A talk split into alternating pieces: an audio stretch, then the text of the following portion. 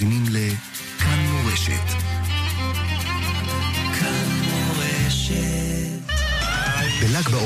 השנה, קבר הרשב"י יהיה סגור למבקרים, אבל הלב יישאר פתוח לתפילות ותחנונים. כאן מורשת בשידור חי מהר מירון. איתכם ולמענכם. שילחו עלינו את שמות יקיריכם לתפילות ובקשות בעמוד הפייסבוק של כאן מורשת, או במסרון, במחיר משלוח הודעה רגילה, למספר 055-966-3991. ונציגי כאן מורשת יתפללו עבורכם בל"ג בעומר בקברו של רבי שמעון בר יוחאי. יום שידורים מיוחד מהר מירון, שני, ערב ל"ג בעומר, רק בכאן מורשת.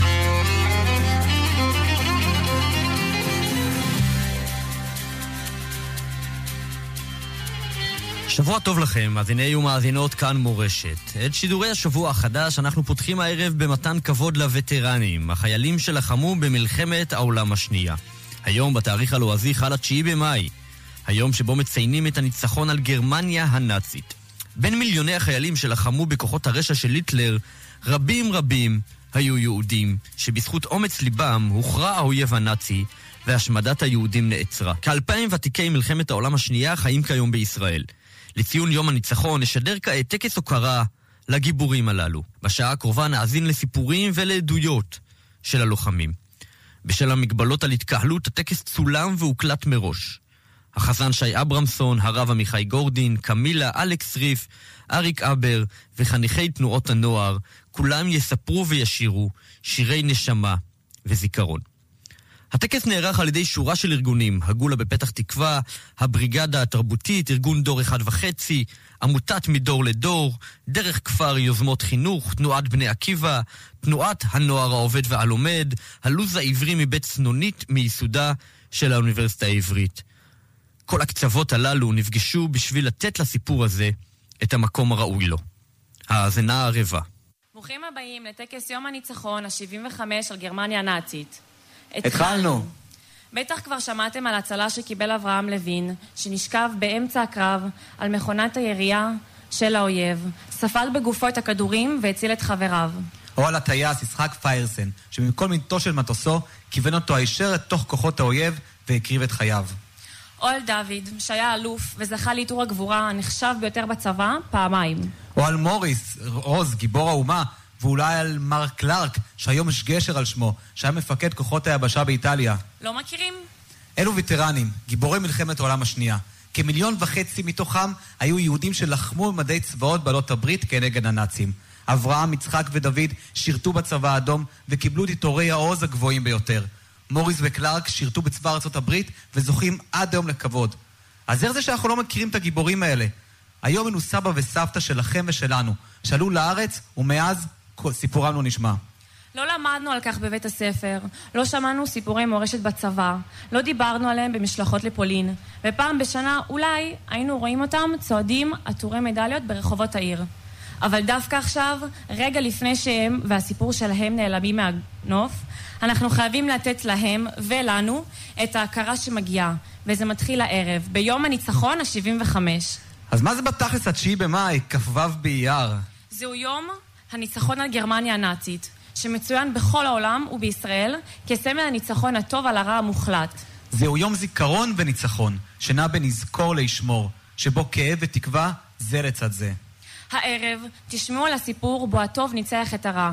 סיפור מלחמת העולם השנייה, כמו שטרם שמעתם, מזווית עיניו של הלוחם היהודי, בצבאות בעלות הברית. הסיפור בו ניצחנו. אני בן 96, נלחמתי בצבא האדום. זאתי סבתא שלי, סליצין ראיסה. היא לחמה במלחמת העולם השנייה. בשבילי מלחמת העולם השנייה זה אירוע מכונן. היא בגיל 16 התגייסה לצבא האדום. קחו נגיד את עצמכם, בני 16, כיתה י', אוקיי? אפילו בגרויות עוד לא התחלתם. התגייסו באמת כדי להילחם למען המולדת הסובייטית, למען סטלין ולמען הניצחון של ברית המועצות. אבל זה לא אומר שבפנים לא פעם לב יהודי. התגייסתי באמת, באמת ובתמים. הייתי יהודי לאומני, ורציתי לתרום את חלקי, כיהודי. באופן יחסי, העם שנתן הכי הרבה לוחמים מתוך בניו ובנותיו היה העם היהודי. למעלה מעשרה אחוז התנדבו ושירתו בכל הצבאות, בכל החילות, בכל התפקידים. בצבא האדום נלחמו כחצי מיליון יהודים. בצבא הזה היו למעלה מ-300 גנרלים ואדמירלים. בצבא הזה היו למעלה מ-148 גיבורי ברית המועצות. יהודים. אחרי שנגמרה המלחמה, והגרמנים מובסים, תחושת הניצחון עברה על כל גדולתיה. שתו, התנשקו ברחובות, הייתי שיכור לגמרי, זה... פעם או פעמיים הייתי שיכור בחיי, וזהו אחת הפעמים. נולדתי שם מחדש. לכן אה, יש לי שני ימי הולדת.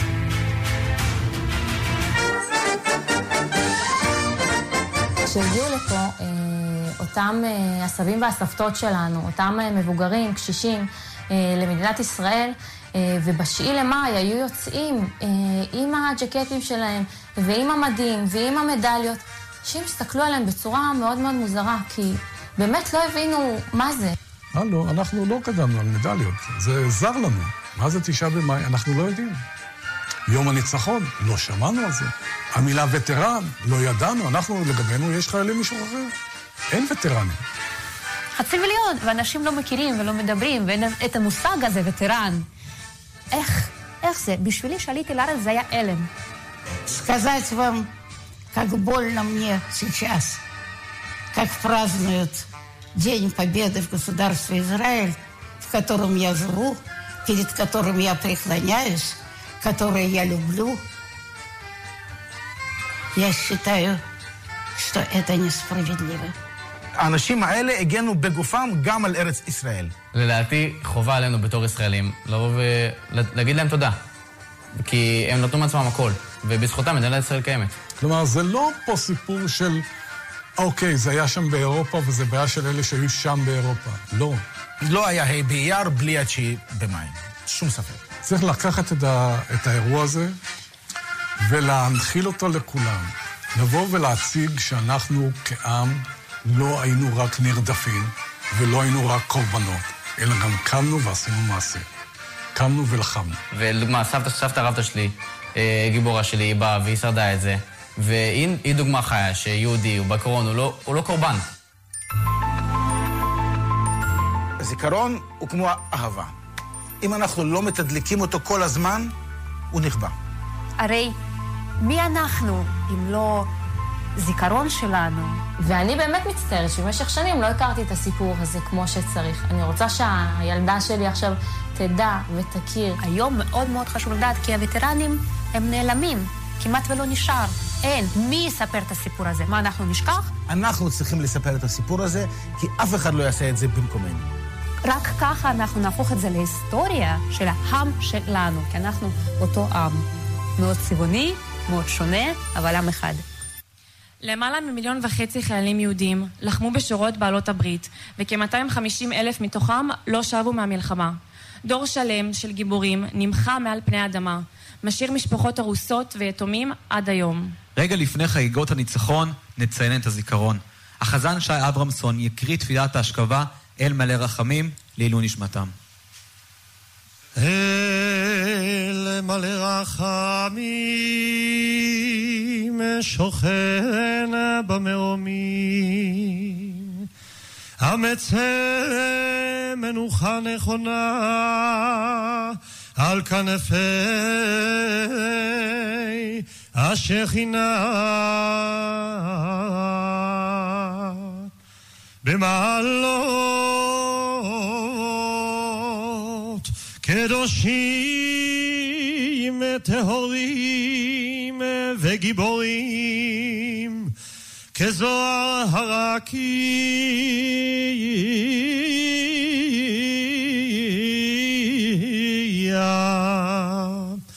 מהירים ומזהירים לנשמות הקדושים ששרתו בשורות הצבא האדום ונפלו בקרבות נגד הצורר הגרמני במלחמת העולם השנייה. ומסרו נפשם למות.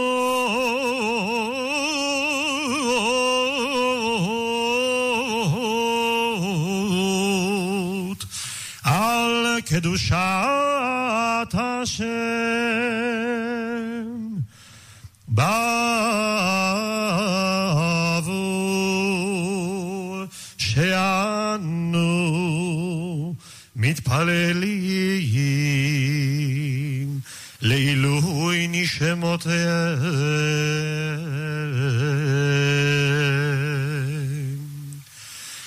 Lachem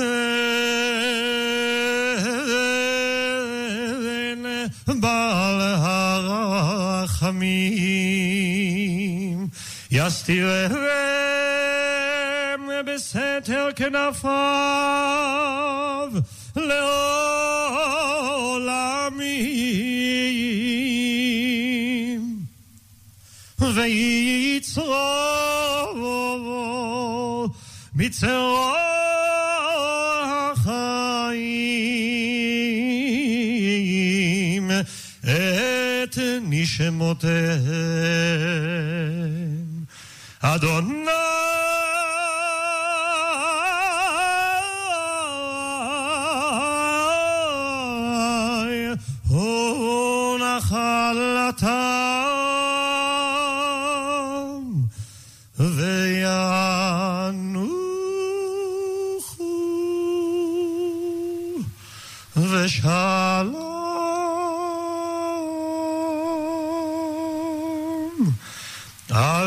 על משכבותם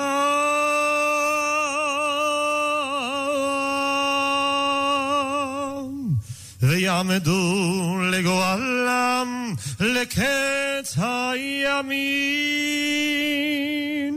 ונאמר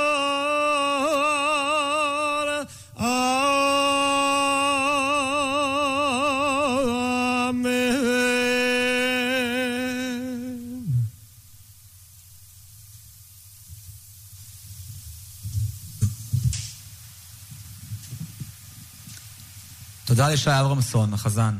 אנחנו מתכבדים להזמין את הרב עמיחי גורודין, לסגור מעגל ולשבור שתיקה אחרי כמעט 70 שנה.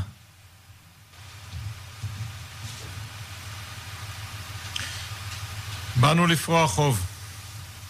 חוב של אמת. חוב שמוטל בקרן זווית כבר 75 שנים, ומי יודע איך לפרוע אותו. שתקתם. שתקתם ולא דיברתם. חינכו אתכם לעשות ולא לדבר, ולכן נשאתם את גבורתכם בדממה רוסית אופיינית והנחתם לאחרים לדבר. יהודי הדממה קרא לנו חתן פרס נובל אלי ויזל לפני למעלה מ-50 שנה. שערי האימפריה הסובייטית היו אז נעולים, והדור של אבא וחבריו דפקו בדממה דקה על דלתות הפלדה של האימפריה. הדור של אבא לא דיבר, גם הדור של סבא, דור לוחמי מלחמת העולם השנייה, לא דיבר. לסבא שלי אמנם לא היה הרבה מה לספר, כיוון שדלקת ריאות חריפה הוציאה אותו מהחזית ושלחה אותו להיות ג'ובניק, אבל גם חבריו, שהיה להם מה לספר, שתקו. לפני שנתיים נפטר גיאורגי יושונסקי, אבא של חבר יקר. רק בשבעה גיליתי שהאיש השתקן והחביב הזה נלחם במשך חמש שנים רצופות בנאצים וקיבל על כך עיטורי גבורה. רק בשבעה גיליתי שבסיום המלחמה, במקום לחזור הביתה בתשואות מנצחים, הוא נשאר להשלים עוד שנתיים של שירות צבאי. כיוון ששנות המלחמה לא נחשבו במניין השירות הסדיר. כששב הביתה, בתום שמונה שנות שירות, התעלפה אמו. האימא שעברה דירה בשם, בשל המלחמה לא קיבלה את מכתביו של גיאורגי והייתה בטוחה שהוא נהרג במלחמה. תרומתם של מיליון וחצי חיילים יהודים שלחמו בצבאות בעלות הברית כנגד אימפריית הרשע הנאצית הייתה מכרעת. כמה תודה אנו חייבים לכל אחד ואחד מהם, כמה הכרת הטוב העולם כולו חייב לכל אחד ואחד מהם. אבל אני אישית מרגיש צורך עמוק להודות במיוחד ל-200 אלף חיילים יהודים מהצבא האדום, שמסרו את נפשם באותה מלחמה. חיילים יהודים שהמלחמה לא נגמרה עבורם גם כשנפלו בשבי. חצי מיליון יהוד... חיילים יהודים נלחמו בצבא האדום, כ-130 אלף מהם נפלו בקרב. עוד 70 אלף נפלו בשבי, הוסגרו לאס-אס על ידי חבריהם לנשק לשעבר, ונרצחו בדם קר במחנות השבויים, רק בשל היותם יהודים. 200 אלף לוחמים יהודים שהצילו אותנו מידי המפלצת הנאצית, שקעו בתהום השכחה הלאומית. 200 אלף יהודים גיבורים שבלעדיהם לא הייתה מסתיימת המלחמה ההיא, כפי שהסתיימה, ובלעדיהם לא הייתה קמה מדינה יהודית. מי יודע כמה מאותם 200 אלף לוחמים זכו להגיע לקבר ישראל? מי יודע כמה מאותם לוחמים זכו שיאמר עליהם קדיש אחרון? מבקש אני, באיחור רב, לומר לזכרם קדיש, אולם קודם לקדיש אקדים את דבריו של הסופר הלאומי ש"י עגנון, שכתב פתיחה לקדיש לזכר הרוגי הקרבות בטרם קמה המדינה. דברים שאין מתאימים מהם להיאמר לזכרם של 200 אלף החללים היהודים מהצבא האדום. מלך בשר ודם שיוצא למלחמה על אויביו, מוציא חיילותיו להרוג ולהרג. פגע בחייליו חץ ונהרג, מעמידים אחר במקומו, ואין המלך מרגיש בחסרונו, שאומות העולם מרובים וגייסות שלהם מרובים. אבל מלכנו, מלך מלכי המלכים הקדוש ברוך הוא, מלך חפץ בחיים, אוהב שלום ורודף שלום, ואוהב את ישראל עמו. לא מפני שאנו מרובים חשק השם בנו, כי אנו המעט מכל העמים. ומתוך אהבתו שאוהב אותנו, ואנו מעטים, כל אחד ואחד מעמנו חשוב לפניו כלגיון שלם. נפקד חס ושלום אחד מישראל, בא הפחת בלגיונותיו של המלך, ובא תשות כוח במלכותו יתברך כביכול. לפיכך אנחנו מתפללים ואומרים אחר כל מת מישראל יתגדל ויתקדש שמי רבה, יגדל כוח השם, ולא יביא תשות כוח לפניו. שהיא מלכותו גלויה בעולם, שלום בעולם, וברכה בעולם, ושירה בעולם, ותשבחות הרבה בעולם, ונחמה גדולה בעולם, וישראל קדושים אהובים בעולם, וגדולתו גדלה והולכת ומתרבה, ואינה מתמעטת לעולם. יתגדל ויתקדש שמי רבה, בעלמא דברה חירותי, וימליך מלכותי, ויצמח פורקנה, ויקרב משיחי.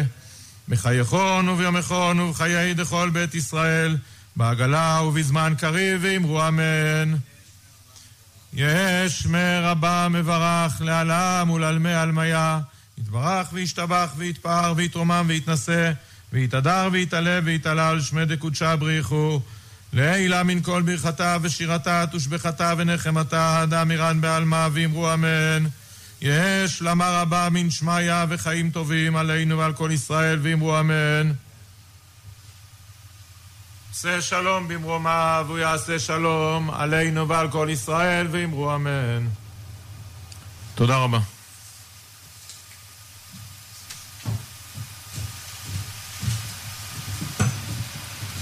תודה רבה לרב עמיחי גורודין. מה אתם אומרים על חופשה בברלין? קבלו הצצה קטנה עם סיפור גדול. וואו, סבא, אתה לא מבין. חזרתי הרגע מברלין עם חברים. הצטלמנו בשער הניצחון, הרמנו את הברגן, היה היסטרי. עברנו מפאב לפאב לפאב, בסוף אפילו הכנענו כמה גרמנים בתחרות שתייה. מבין, גייץ', מבין. הייתי ב-45 בברלין עם הדיוויזיה. הסתערנו על האויב ליד שער הניצחון. לחמנו מבית לבית. כבשנו רייכסטאג. אירוע היסטורי. הכנענו את גרמניה הנאצית. זה סבא שלי, והוא ניצח את מלחמת העולם השנייה. לפני אה, כמה זמן עברתי דירה. כשאתה עובר דירה, אז uh, לפעמים אתה מוצא כל מיני חפצים שאתה שוכח שיש ברשותך. ומצאתי את המזלג הזה, וכתבתי עליו uh, שיר קטן שקשור לנושא שעליו אנחנו מדברים. החפץ היחיד שנותר לי מסבא, מזלג, בגבו מוטבע נשר לופת בתפריו צלב קרס. שמעתי שהביא אותו מברלין באביב 1945. שמעתי שכמעט נהרג פעמיים, פעם מפגז שנפל במקום בו ישב שתי דקות קודם, ופעם מכדור. שמעתי שהיה קצין בדרגה שיהודים לא הגיעו אליה. ראיתי ערימה של מדליות על מדיו. הרגשתי נשיקות רטובות מדי, שתמיד השאירו את הלחי שלי לך. זה לגבי סבא שלי, וגם לסבתא שלי יש סיפור קטן.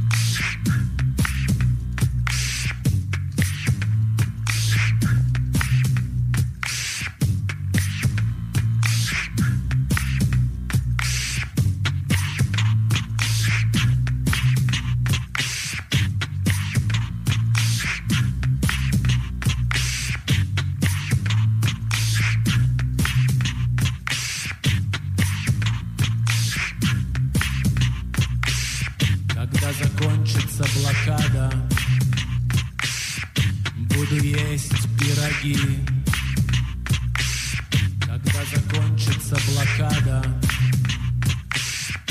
буду есть пироги.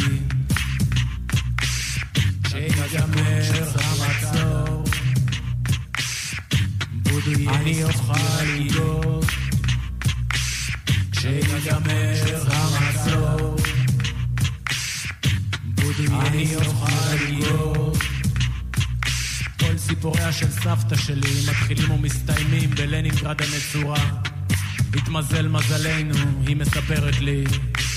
שלי עבדה באיזה בית חרושת לייצור תערובת מזון לבהמות או משהו כזה. גנבה קצת בכל פעם שהזדמן. בבית אני והאחיות שלי היינו לוקחות חתיכה מזה, שמות את זה בפה ומחכות שהרוק ירכך את זה. אני לא יודעת מה היה בתוך תערובת המזון לבהמות הזאת, אבל רק בזכותה, רק בזכותה. כשיגמר המצור אני אוכל לגעות, כן. כשיגמר המצור הזה, אני אוכל לגעות. את הפסנתר מכרנו תמורת ארבע קילו קמח, את הסמובר המפואר תמורת פחות. כל דבר שהיה בעל ערך הוחלף באוכל, ואני חושב, מי זה שקנה? מי זה ש... שהיה לו? מי זה? קנה בקמח, מכר בכסף. איזה מעשה נבזי, מצוקה של אחד היא תמיד מכרה זהב של איזה בן של...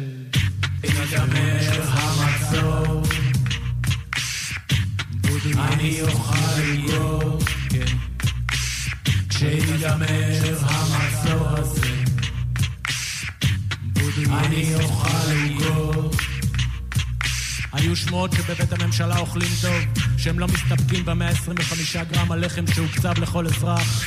סבתא ראתה על זה איזה סרט לאחרונה, היא נזכרת.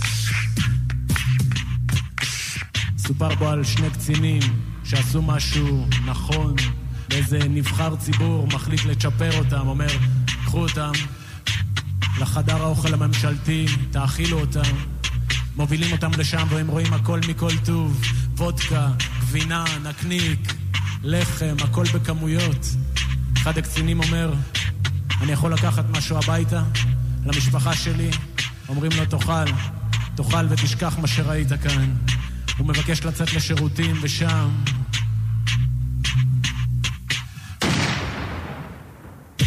מילותיה של סבתא היו כל כך חדות, ששמעתי את זה בראשי שלי. הפריבילגים אכלו טוב בזמן שסבתא נאבקה ללעוס תערובת מזון לבהמות והרגישה בת מזל. אותם הפריבילגים שאחר כך כתבו סיפורי גבורה מתומצתים על עיטורי העוז של מאות אלפי גופות, מאות אלפי גופות. מוות של אדם אחד זאת טרגדיה, מוות של מיליונים סטטיסטיקה. סטלין דייק לתאר בציניות פואטית. אבל אז, סבתא לא ידעה את כל זה. הייתה עסוקה בלשרוד ולפנטז ש... כשיגמר המצור,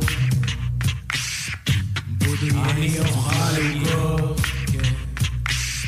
כשיגמר המצור, כשיגמר המצור, אני אוכל עוגות, אני אוכל עוגות, כשיגמר המצור, אני אוכל עוגות, אני אוכל עוגות, כשיגמר המצור, כשיגמר המצור, כשיגמר המצור הזה, אני אוכל עוגות,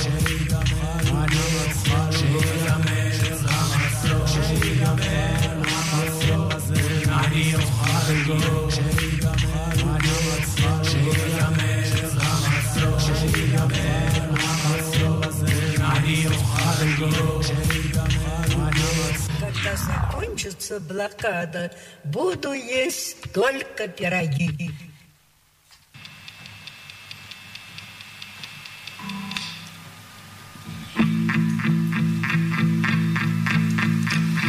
בבוקר שמש, כשהתעוררתי, יפה שלי, בלה צ'או, בלה צ'או, צ'או, צ'או, בבוקר שמש, אותו מצאתי, על אדמתי, כובש וצר.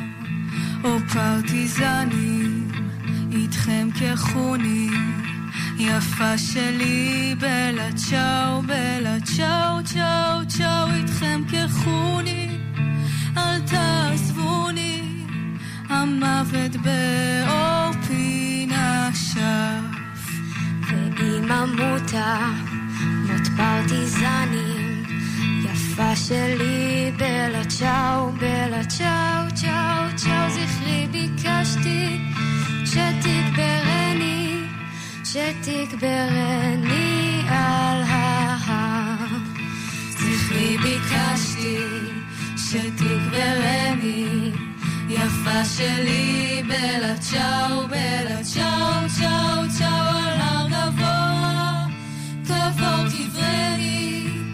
בצל עליו של פרח בר.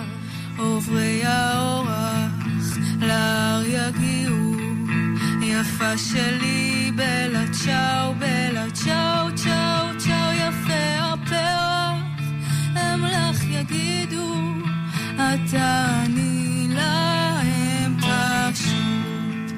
אכן זה פרח של פרטיזנים, בלה צ'או, בלה צ'או, בלה צ'או, צ'או, צ'או. של פרטיזן שמת למען שמת למען החירות.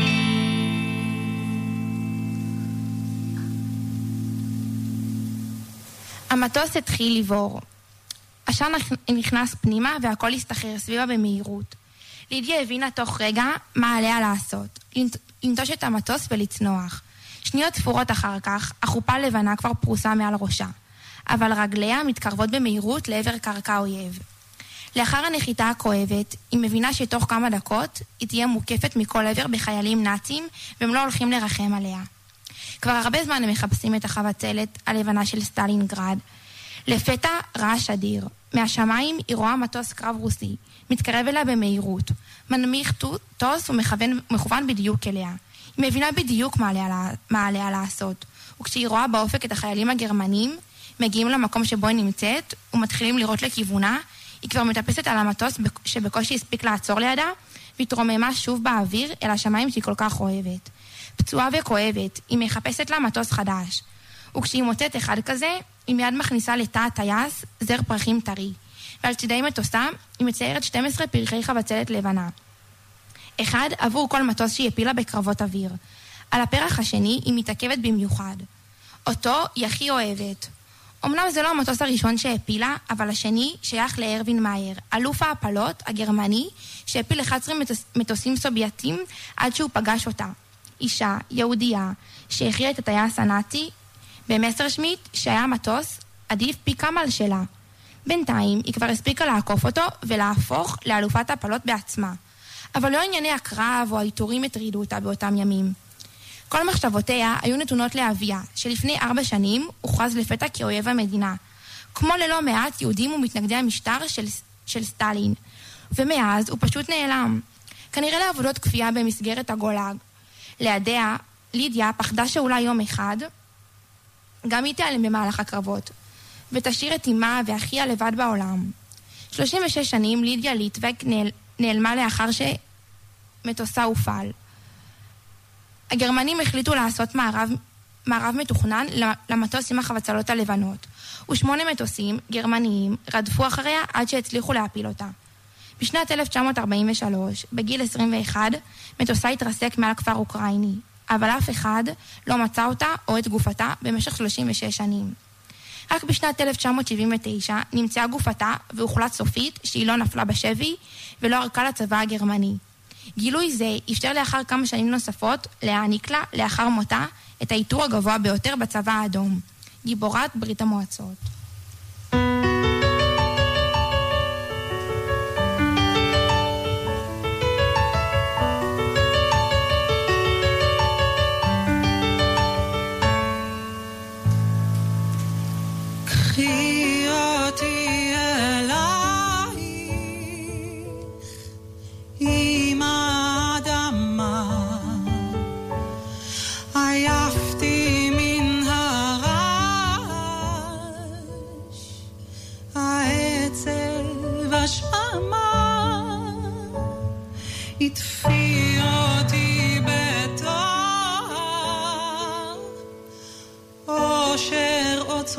在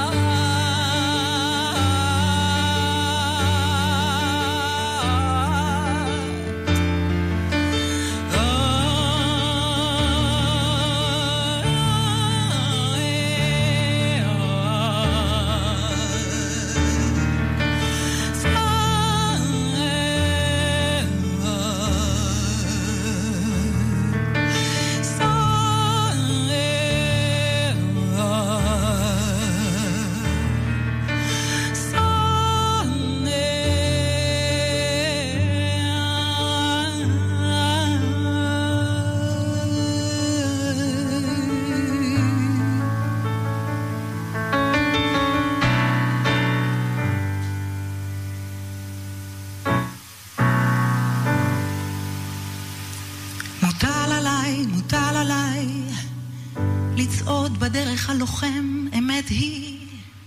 למרות שדרך זו אינה, אינה אף פעם קלה לי.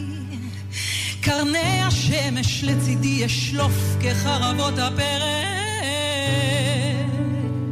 אה, ואלחם למען האמת, אמת אחת היא. וצדק יעשה ויצהלו תרועות ניצחונותינו במרחבים, במרחבים של ממלכתנו. לכבוד תהילתך ועוצמתך, אימא.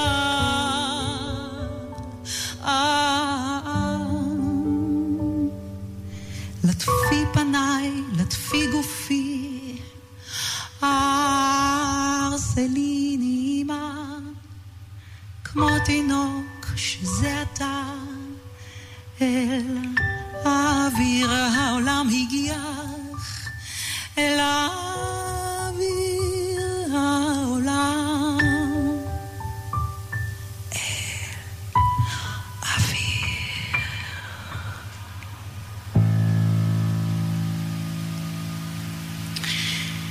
את השיר הבא, תודה רבה. אני אשמח להקדיש לסבי וסבתי, שנלחמו במלחמת העולם השנייה. אני זוכרת בילדותי, הייתי מבקשת מהם שוב ושוב לספר את אותם סיפורי הגבורה, ומשחקת שוב ושוב בעשרות מדליות עטופות היטב בקופסאות קטנות במגירות ביתם. סבתא שלי הייתה צלפית במלחמת העולם השנייה, וסבא שלי היה בתותחנים. ואת השיר הבא, שנכתב לפני המון שנים, והוקדש לחללי מלחמת העולם השנייה. היום, ביום חשוב ויקר, אני רוצה להקדיש לסבא וסבתא שלי.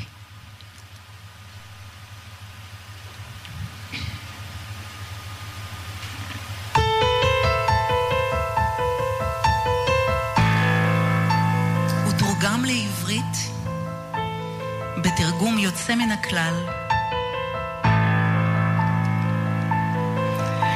נדמה לי לפעמים כי חיילינו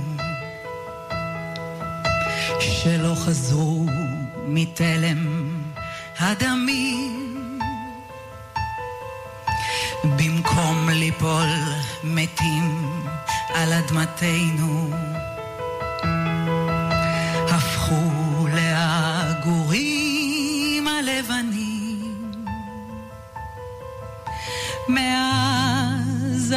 שנים אבל עדיין הם לנו מלמעלה צועקים. אולי לכן העצב שבעין הצופייה בהלם לשחקים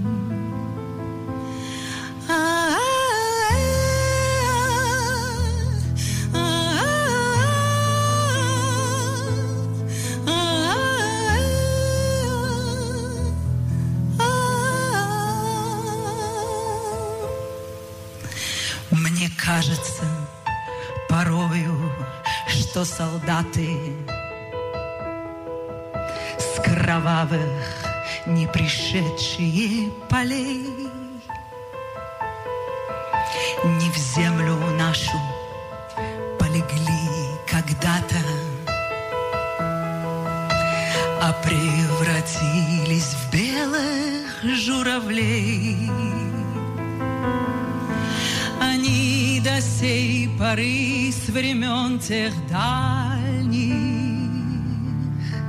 летят и подают нам голоса.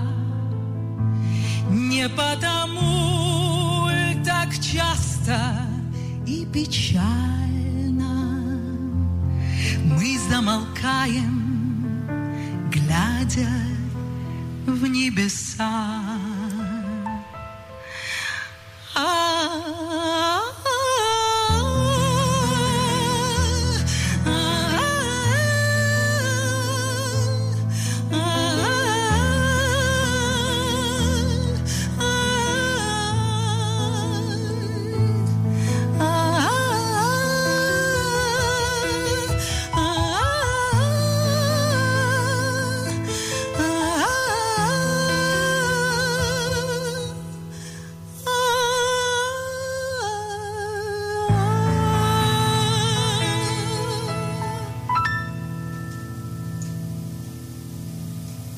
וואו, סבא, אתה לא מבין. לקחתי איתי אייפון להודו. מה לא עבר עליו? חול, מים וחום אימים, המשיך לעבוד.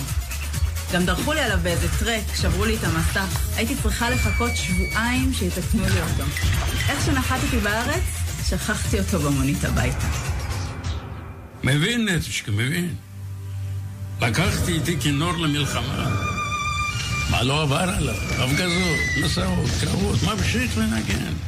נפלו עליו הריסות באחת ההתקפות, ונקראו לו כל המיתרים. והייתי צריך לחכות שנה שישלחו לי מיתרים לחזית. ומאז שנגמרה המלחמה, הוא לא מפסיק לנגן. זה סבא שלי, והוא ניצח את מלחמת העולם השנייה. תודה לקמילה ובני עקיבא על הקטעים המרגשים.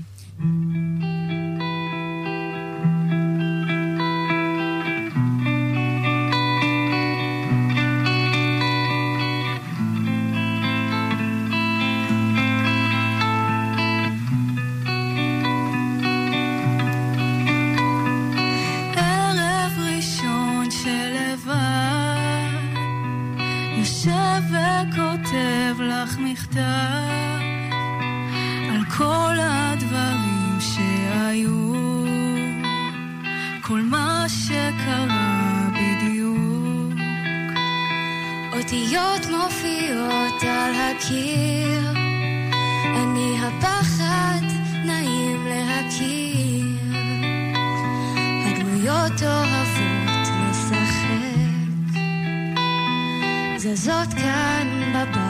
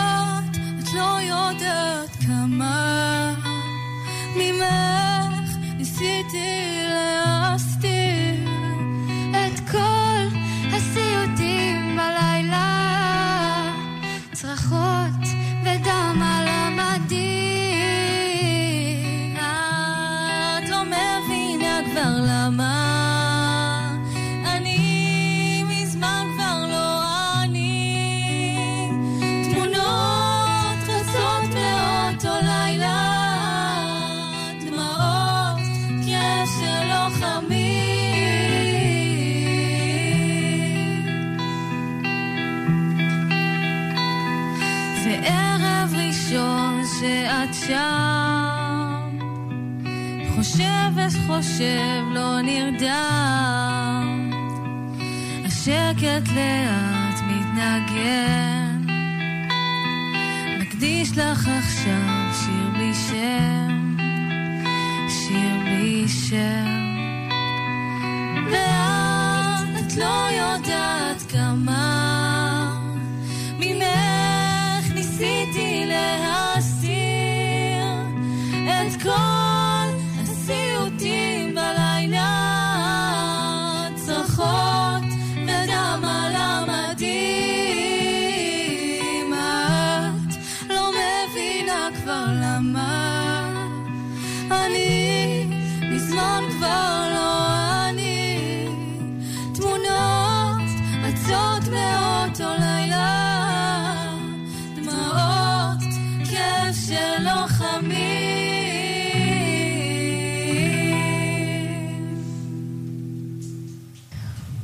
אלכס.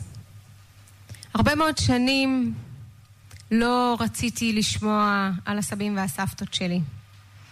אמ, הסיפור שלהם לא היה מספיק ישראלי בעיניי, ואחרי שהיגרתי לארץ בגיל חמש, כל מה שרציתי זה להיות ישראלית. אבא שלי ניסה לספר לי ואני לא הקשבתי. עד שלפני חמש שנים משהו השתנה. פתאום הבור בפנים נהיה כל כך גדול שהתחלתי לחפש את התרבות שלי ואת המקום שבו גדלתי. ככה הקמתי קבוצה יחד עם חברים, הבריגדה התרבותית, ומה שאנחנו עושים מאז זה פועלים כדי להפוך את הסיפור ואת התרבות שלנו לחלק מהתרבות הישראלית. את הסיפור ואת התרבות הבריהמים. והיום אני רוצה לספר על המשפחה שלי. סבא וסבתא משני הצדדים, הבוגד, הגיבור, הנמלטת, הכלואה,